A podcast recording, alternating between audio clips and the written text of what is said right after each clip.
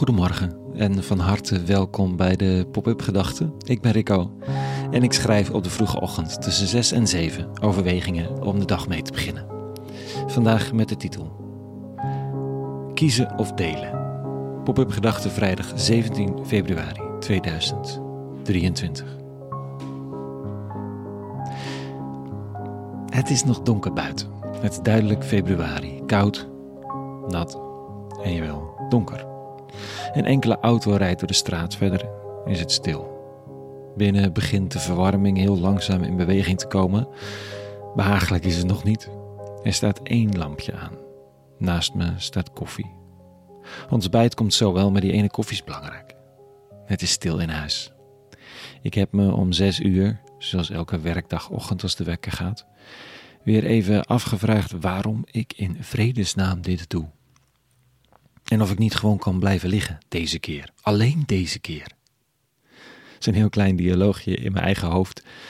Tussen de stem die zegt dat je net zo goed voor een keer kunt blijven liggen. En de ander die zegt: Ja, dat zeg je elke ochtend. Maar je wilde toch die pop-up maken? Nou dan, opstaan. Die laatste wint gelukkig zo'n beetje altijd. Maar die kleine worsteling is er ook altijd even. Aangeland op mijn schrijfplekje waar ik door het oude vensterglas, bouwjaar 1760, nog net de Amsterdamse gracht kan zien, lees ik de teksten van de dag. Oh nee, wacht. Het begint met een gebed, een oefening, een poging tot. Ik vind bidden nog niet zo eenvoudig. Maar het, het is in die zin behulpzaam dat je even uitzoomt op een bijna telescopische manier.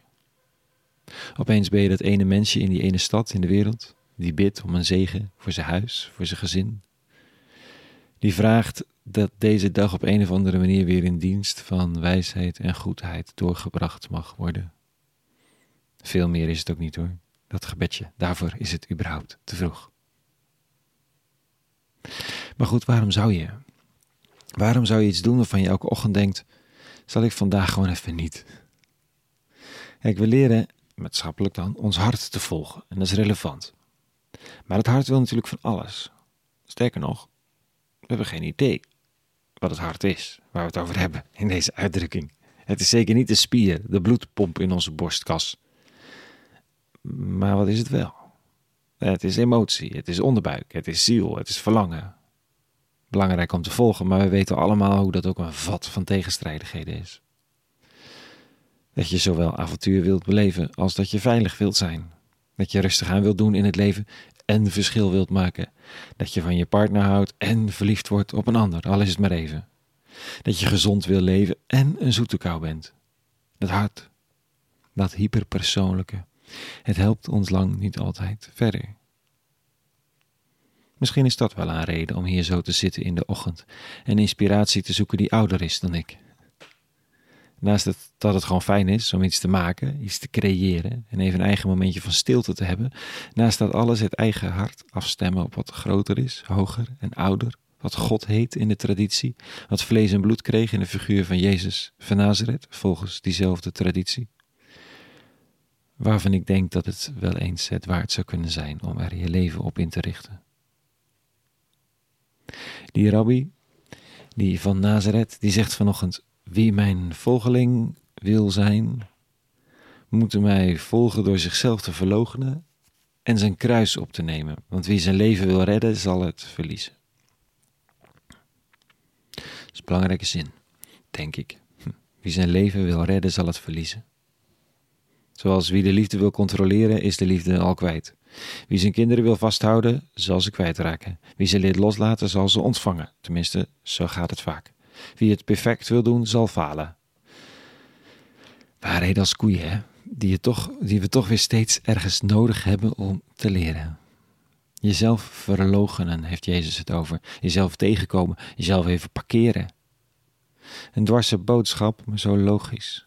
Want als ik de maat ben van de dingen met waar ik zin in heb, en dan kom ik dus echt niet mijn bed uit. Hè? Sterker nog, dan gebeuren er een hele hoop dingen niet. En dan verlies ik mijn zelfrespect. Gek genoeg. Ik verlies mezelf als ik mezelf als maat der dingen neem. Wat niet betekent dat we terug moeten naar een maatschappij waarin het totaal irrelevant is wat jij wel en niet wil. maar je gewoon in het maatschappelijk spoor der verplichtingen moet volgen, met af en toe een uitstapje naar de kroeg of een carnaval. Maar het andere uiterste is minstens zo desastreus. Om mezelf te vinden moet ik mezelf durven verliezen, al is het maar een beetje. En wat is dan het goede evenwicht of de balans? Ik weet niet of dat er is, een evenwicht. Wel is er een overgave. Wie zich leert overgeven aan degene of datgene waar hij of zij werkelijk in gelooft, met alle mitsen en maren die daarbij horen, zal zichzelf in dat verliezen misschien wel terug ontvangen. Dat is in elk geval de belofte van de man van Nazareth. En ik denk zo ochtends, als de pop-up gedachte bijna af is, dat ik wel een beetje voel wat hij bedoelt.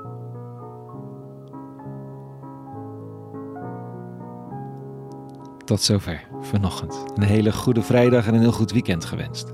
Meer te vinden op www.popupgedachten.nl. Je kunt daar ook doneren voor deze podcast. Er is ergens een button.